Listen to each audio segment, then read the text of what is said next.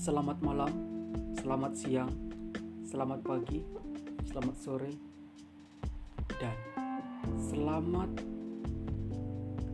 menikmati podcast kali ini kapan pun teman-teman mendengarnya. Dan kali ini kita akan membahas mengenai mimpi yang sangat besar. It's not impossible in the world. Mungkin kata-kata tersebut tak asing lagi di telinga kita. Kata-kata yang seliweran dari kanan, kiri, dari teman, keluarga, saudara, guru, dan lain sebagainya. Tapi sebenarnya makna dari is not impossible in the world ini apa sih teman-teman? Apakah hanya sekedar kalimat atau hanya sekedar motivasi diri sendiri atau apa sih? Nah, di sini kita akan bahas satu persatu mengenai mimpi. Mungkin waktu kecil dulu, waktu TK dulu, waktu SD dulu, kita ditanya sama guru kita, cita-citamu apa?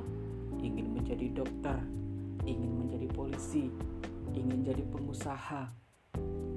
Ternyata itu hanyalah cita-cita waktu TK, cita-cita waktu SD. Kemudian semua berubah waktu demi waktu, hari demi hari, masa demi masa yang kita jalani. Kita berpikir bahwa cita-cita waktu TK kita itu adalah cita-cita yang sangat besar. Cita-cita yang tidak mungkin akan terwujudkan. Bagaimana tidak? Apalagi kondisi anak-anak desa seperti saya misalkan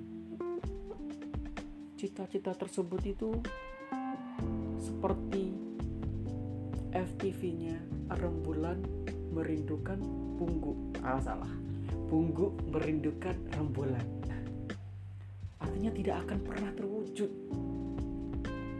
Dengan beberapa pertimbangan ya tentunya kayak seperti pertimbangan ekonomi pertimbangan sosial dan lain sebagainya. Namun teman-teman antara pertimbangan-pertimbangan tersebut tentu kita mempunyai mimpi dalam hidup kita. Mimpi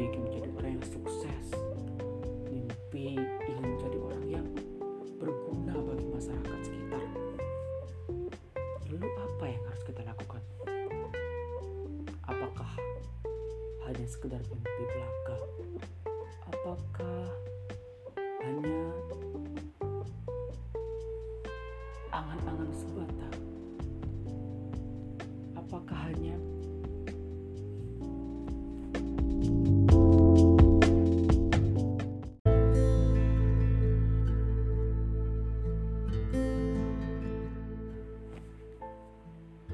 Krista Sungsang Jaya It's not impossible in the world Pernah suatu ketika saya bertemu dengan satu sosok yang sangat hebat menurut saya.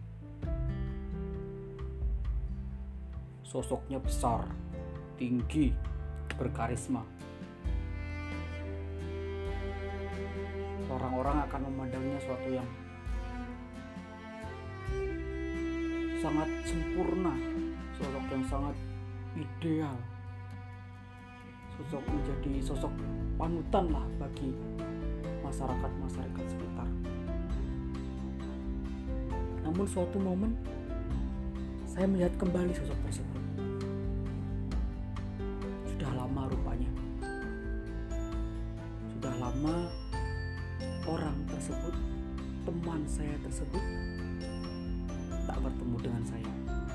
Satu momen saya bertemu dengan dia.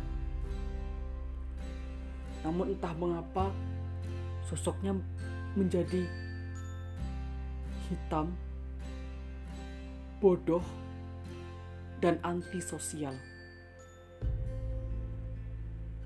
Kerap menjadi objek bulian di masyarakat sekitar. Mengapa hal ini bisa terjadi? Bisa jadi 180 derajat berbeda dengan sosok yang saya temui di awal. Saya sempat bercerita, saya sempat bertanya kepadanya dan sedikit berdiskusi masalah tersebut. Lalu dia menyampaikan beberapa pesan kepada saya bahwasanya orang-orang itu akan kagum ketika melihat dari luar fisik kita, ketampanan kita, kecantikan kita. Namun ketika orang melihat sifat asli kita, maka orang akan membenci kita. Orang akan menjelek-jelekkan kita. Ya wajar saja, namanya juga orang punya penilaian masing-masing. Tapi mengapa sebagian besar orang di masyarakatnya membenci dia? Hal inilah yang menjadi suatu pertanyaan besar bagi saya. Dia nggak mau menjawab. Teman saya tadi tidak mau menjawab mengapa hal ini bisa terjadi. Rupanya ada satu orang yang menggedor pintu saya, menggedor pintu kamar saya. Seketika saya tersadar bahwa saya sedang di depan cermin. Rupanya, sosok tersebut adalah diri saya sendiri yang mempunyai mimpi yang sangat besar, tinggi, namun tidak diimbangi dengan kecerdikan, tidak diimbangi dengan usaha yang kuat, hingga terlihat menjadi toksik di sosial circle-nya. Jadi kepada teman-teman yang mendengar podcast ini, mari gantungkanlah mimpi kita setinggi langit dan buatlah tangga untuk menapakinya. Saya Krista, Sungsang Jaya.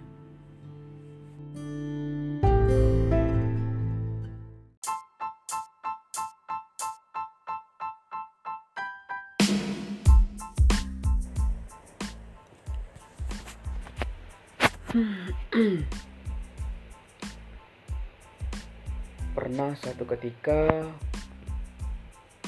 saya bertemu dengan sosok yang sangat luar biasa menurut saya.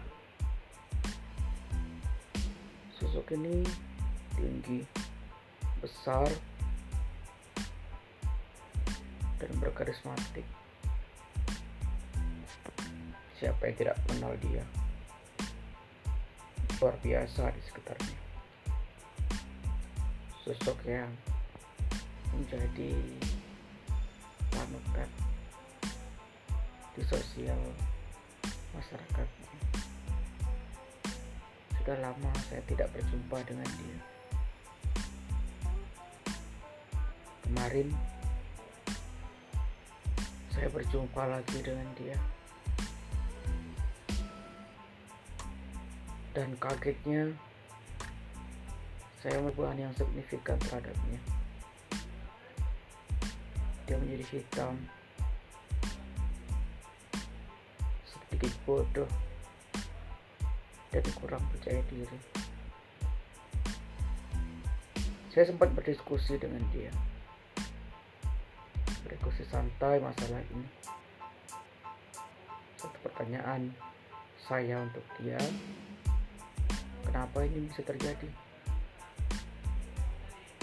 Kenapa bisa sampai 180 derajat daripada yang dulu. Dia cukup menjawab orang-orang hanya menilai dari luar. Di dalam tidak akan pernah tahu bagaimana. Ya manusia memang begitu. Manusia memang tabiatnya seperti itu. Hanya melihat dari luar. Dalam tidak ada yang tahu namun kenapa sebagian besar orang lebih dari 50% sosial masyarakatnya?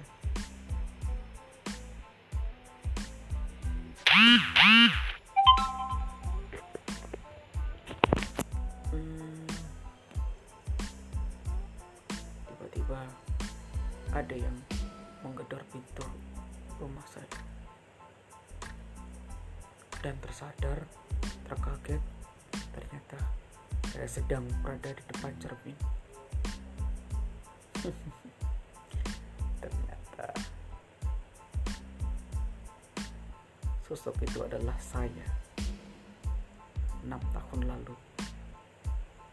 Dengan kemauan yang tinggi keinginan yang besar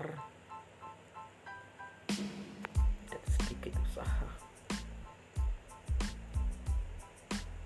Jadi semenjak itu. Tak saya bekerja untuk bagaimana caranya agar sosok yang ada di balik cermin tersebut sama seperti sosok enam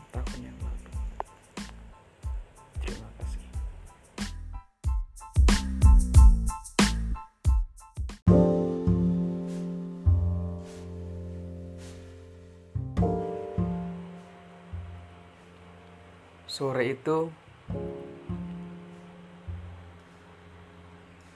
saya berbaring di kasur. Setengah sadar, setengah tidur. Tiba-tiba saya berpikir bahwa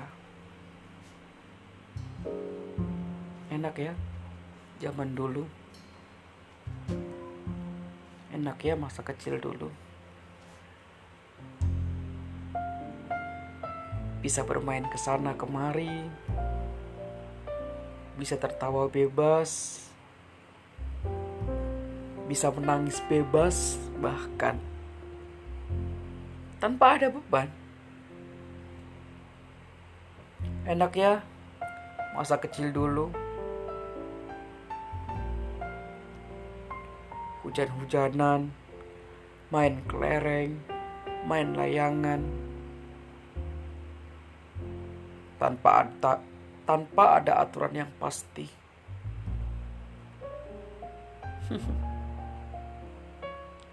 Sedangkan kini pekerjaan yang banyak, beban yang tinggi, belum lagi kebutuhan pribadi yang menumpuk.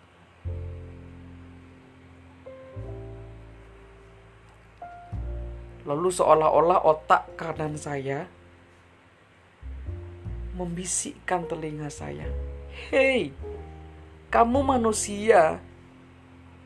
Memang layaknya seperti itu. Ini yang dinamakan siklus. Ini yang dinamakan fase. Bahwa memang kamu akan menapaki fase ini otak kiri saya tertawa bebas. iya juga ya. Kalau kita tidak menapaki fase ini, artinya kita tidak akan pernah menapakinya lagi nanti. Atau dalam kata lain, kita bakalan mati. Ya memanglah seperti itu.